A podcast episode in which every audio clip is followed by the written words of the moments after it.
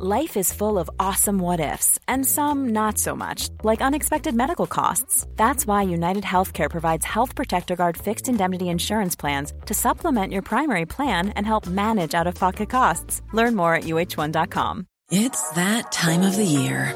Your vacation is coming up. You can already hear the beach waves, feel the warm breeze, relax, and think about work. You really, really want it all to work out while you're away. Monday.com gives you and the team that peace of mind. When all work is on one platform and everyone's in sync, things just flow wherever you are. Tap the banner to go to Monday.com.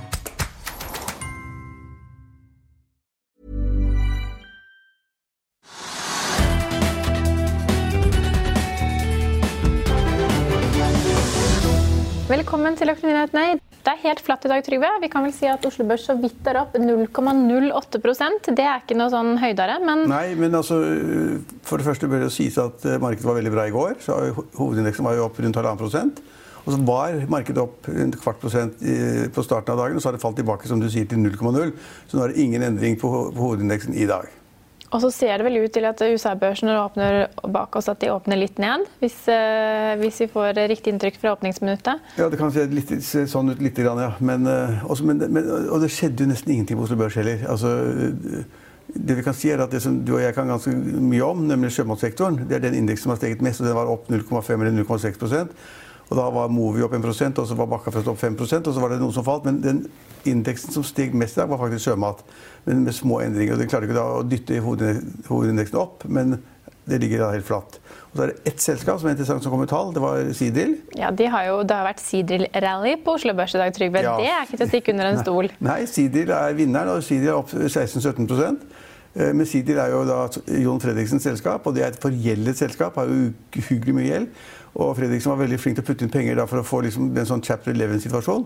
Hvor de da skulle refinansiere all gjeld, obligasjoner og konvertere til aksjer og masse rart. Uh, og det er en veldig liten egenkapital i forhold til den gjelden de har. Uh, men markedet reagerte veldig positivt, for det kom regnskap. Og regnskapstallene viser da at de tapte bare et par milliarder kroner i annet kvartal, mens de tapte fire milliarder i fjor. eller noe sånt. Så markedet reagerer på at det var litt bedre.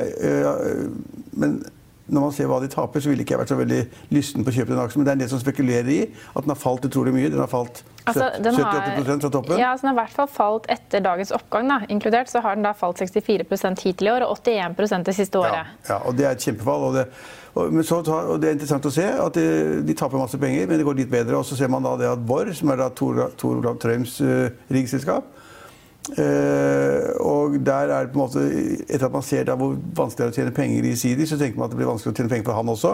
Og han var litt ganske smart. Han startet dette riggselskapet som skal konkurrere med Sidi. Ved at man, ved at man da til å begynne med bare hadde egenkapital, lånte nesten ikke penger i bankene.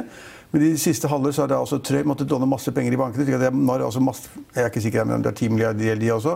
Og kursen i Borr har jo falt 50% eller noe sånt slik at det vi har fått se i dag, er at det kommer noen dårlige tall for riggsektoren. At da, kursen har gått veldig dårlig for Sidril og Vår. Og så er det også et par andre selskaper som er i offshoresektoren, som er litt ned i dag. Slik det er ikke noen god børsdag, egentlig. Nei, altså, Det er flere også av eh, Fredriksens selskaper som har lagt frem tall. Vi kan bare nevne Ship Finance. De fikk et resultat etter skatt på 28 millioner dollar mot 34 millioner dollar i samme uh, kvartal i fjor. Og de, de tjener har, penger i hvert fall, da. Ja, de har tjent penger. og De har skaffet seg tre nye skip. De eier nå 48 containerskip i en uh, flåte må man vel si, på totalt 89 fartøy akkurat nå. Ja, hvis verdensøkonomien går nedover, hva jeg tror og veldig mange andre tror, så er det ikke så veldig gøy å ha en stor flåte av containerskip. For de frakter jo da liksom massegods frem og tilbake, eller ferdigvarer eller biler. eller hva det måtte være. Det er ikke en ting å ha hvis verdenskonjunkturen går nedover. Også Flex LNG har også lagt frem tall. De gikk i minus 3,9 millioner dollar i det andre kvartal mot minus 3,4 millioner dollar i samme Nei, millioner jo, millioner dollar i samme ja, kvartal i fjor. Viktig å holde tunga rett i munnen når det ikke er kroner. Ja, kroner. for det er stor, store forskjeller i verdier. Men vi, du nevnte jo Bakka for oss veldig raskt. Altså, de la frem et resultat som har vært en uh, veldig god nyhet på Oslo Børs i dag. Vi sendte aksjen opp 5-6 på det meste, og aksjen var faktisk oppe i hele 536 kroner på det meste. Men, men de fleste analytikerne har fortsatt en selvanbefaling, til tross for at de fikk en seg en opptur i dag. Det hjelper kanskje ikke at de har lavere kostnader og høyere marginer? Nei, jeg kan ikke bakke, bakke for så godt akkurat, akkurat, i dag, men det, det jeg ser, er det at uh, prisene på laks har falt ganske kraftig. Da. Altså, Vi hadde jubelpriser i juli, da. Det var kanskje ikke å forvente. Nei, nei, men nå ligger de, hører jeg, om det er riktig vet jeg ikke, nå hører jeg at lakseprisen ligger på 40 kroner kiloen eller nå. Ja, Som er et dramatisk fall siden nesten 59-60 kroner, tror jeg vi var oppe i første Det er et kjempefall, ja. og kostnadene sier man da ligger på 30 kroner kiloen. Det kan tenkes at de kostnadene ligger på 35 eller 36 eller 37. Ja, med tanke på hvor gode tider det har vært. Så da kjøper man inn dyrere Ja. fôr og setter i gang smålproduksjon som bare det. så det er en liten warning På, på oppdrettsnæringen også, da, i og med det at eh, når prisene faller så mye, og kostnadene sannsynligvis øker litt, i hvert fall lite grann, så blir resultatene dårligere fremover. Men så leste jeg på toppen av Hegnar Hegnar.no nå at Starmines har hatt en analytikerkåring som eh, setter Knut Ivar Bakken i Danske Bank som den beste aksjeplukkeren i Norden. Og han dekker jo sjømat, og han er jo en sånn fundamental analytiker, som han sier. Han ser på de fundamentale forholdene. Det gjør jeg òg. Og han peker jo på at etterspørselen etter laks er, har vært veldig sterk og kommer til å holde seg nokså sterk fremover. Og da er det i hvert fall Lerøy Austevoll som ser gode ut, eller som gode kandidater i aksjer du skal eie Det, fremover. det, det er helt, altså, analysen er god. Altså, folk vil spise mer laks verden over. Og så videre. Hvis jeg har fått, med, fått med riktig, så startet det nå en ny flyrute. Til Kina? Ja, Fra Gardermoen to ganger i uka. Fyller opp med laks og sender det nedover. Skulle hatt aksjer vet du, skulle hatt aksjer i oppdrettsnæringen.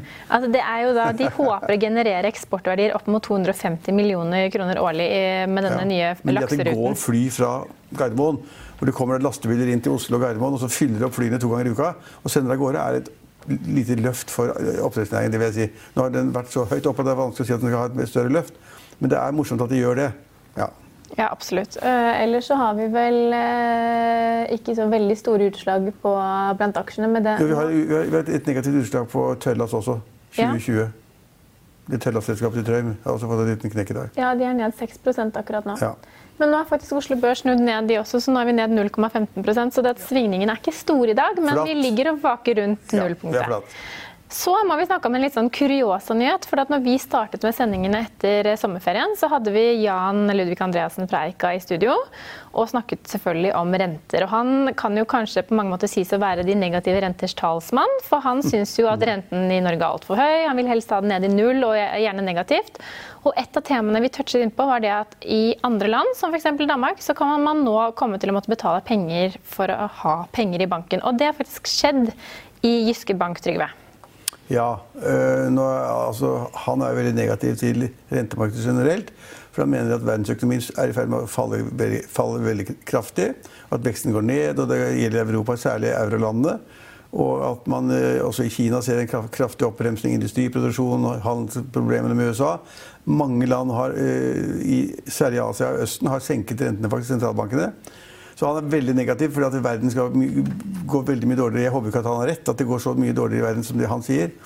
Men, men det er sant det at det er negative renter i mange land. Og, og, og nå, nå kom meldingen da fra denne, denne danske banken om at hvis man har mye penger da, og vil ha de plassert i banken som en sikkerhet, at du ikke har de under, under hodeputen eller under madrassen Så hvis du vil ha et sikkert sted, og bank er jo et sikkert sted enn så lenge, det tror jeg det er, så må man betale for det. Du får altså ikke rente på pengene lenger, du må betale for pengene oppbart i banken. Det, det er, for å si det på en annen måte, det er da omtrent å si, si det samme som at det er negative renter. Ja, for dette, det, det Jyske Bank i Danmark nå gjør, da, er å innføre en sånn type rentepålegg på kunder som har over 7,5 millioner kroner i banken. De må betale 0,6 Ja, det, blir, det blir et, opp, det blir et oppbevaringsgebyr, da. Ikke Ja. sant? For. Så 0,6% på overskytende beløp. man begynne å bruke pengene, da. Så har du 10 millioner kroner i banken, så må du betale 15 000 kroner i året. Da må begynne å bruke, det er kanskje, da, kanskje sentralbanken i Danmark har funnet ut at det er en måte å presse folk til å ta pengene ut av madrassen og sette det i næringslivet og investere i aksjer eller obligasjoner eller eiendom eller hva det måtte være. Men dersom det hadde blitt, eh, hvis man hadde fått lignende rentegebyr i Norge, ville du hatt penger i banken da, Trygve? Jeg har alle pengene mine i banken. jeg. Nesten. Masse. Altfor mye. Det får jeg ca. 1% på av DNB enn så, enn så lenge.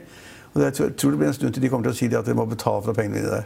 Ja, Men fra litt sånn spøk til alvor, da. Eh, Fed satte jo ned rentene for første gang på ti år eh, tidligere i august. Og markedet priser jo inn at det vil komme flere rentekutt i USA. Men samtidig så mener Fed og mange rundt eh, Fed-systemet at Fed vil ikke la markedet bestemme når de skal sette ned renten, og de kommer til å gjøre det, gjøre det de mener er riktig, ja, er litt- uavhengig av Ja, men det er misforstått. Altså, Fed setter renten ned hvis markedet tilsier at det er slik. De ser på makrostørrelsene, de ser på sysselsettingen, lønnsveksten øh, ja, makro... Makrotallene generelt, da, inflasjonen osv. De, de ser på alle de faktorene. og De tar et nøkternt grep og sier at Nå, må, nå, går det dårlig, nå må vi sette renten ned for å få fart på økonomien. Nå går det altfor bra. Det er, produksjonskapasiteten er nesten utnyttet. slik at man liksom da demper litt, grann, så setter de opp renten. Det som har skjedd, som er helt dramatisk, er at det er bare to dager siden at Donald Trump sa det at jeg mener at sentralbanken bør sette ned styringsrenten med ett prosentpoeng. Og det er ganske kraftig når det er satt ned nå med 25 rentepunkter sist.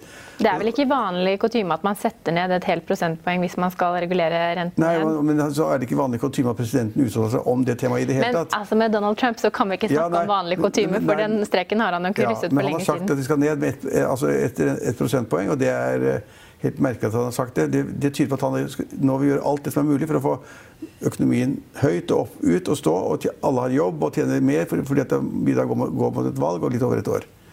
Det er derfor han kommer med det. Men Powell han, han kan si at det bryr meg ikke om hva Trump sier. Men det er ikke så lett å helt unnlate å tenke på hva Trump har sagt.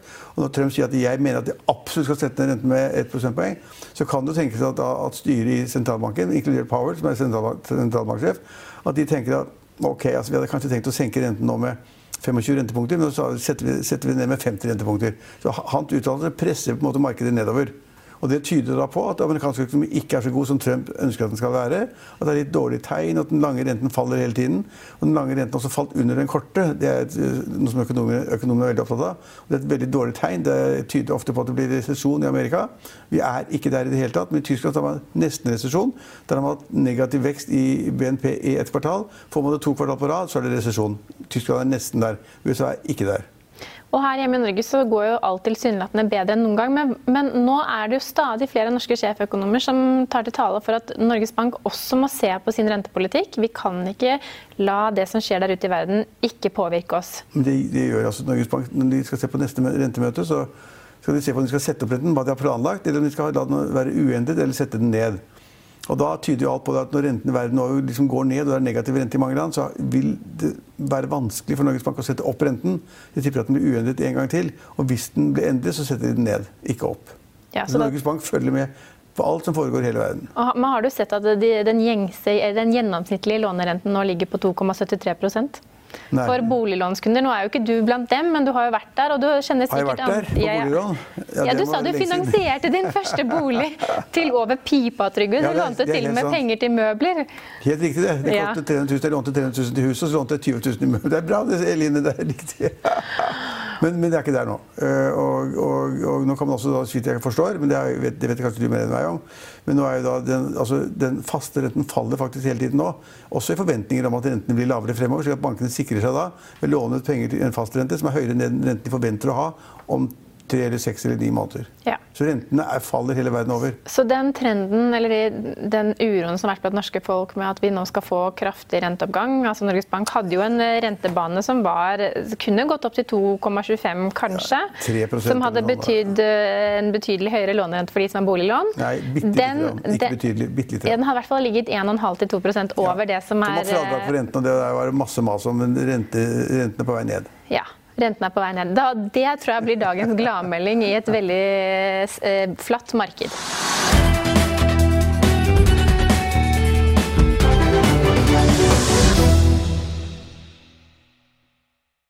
Økonominyhetene er en podkast fra Finansavisen. Programledere er Marius Lorentzen, Stein Ove Haugen og Benedikte Storm Bamvik. Produsenter er Lars Brenden Skram og Bashar Johar. Og ansvarlig redaktør er Trygve Hegnar.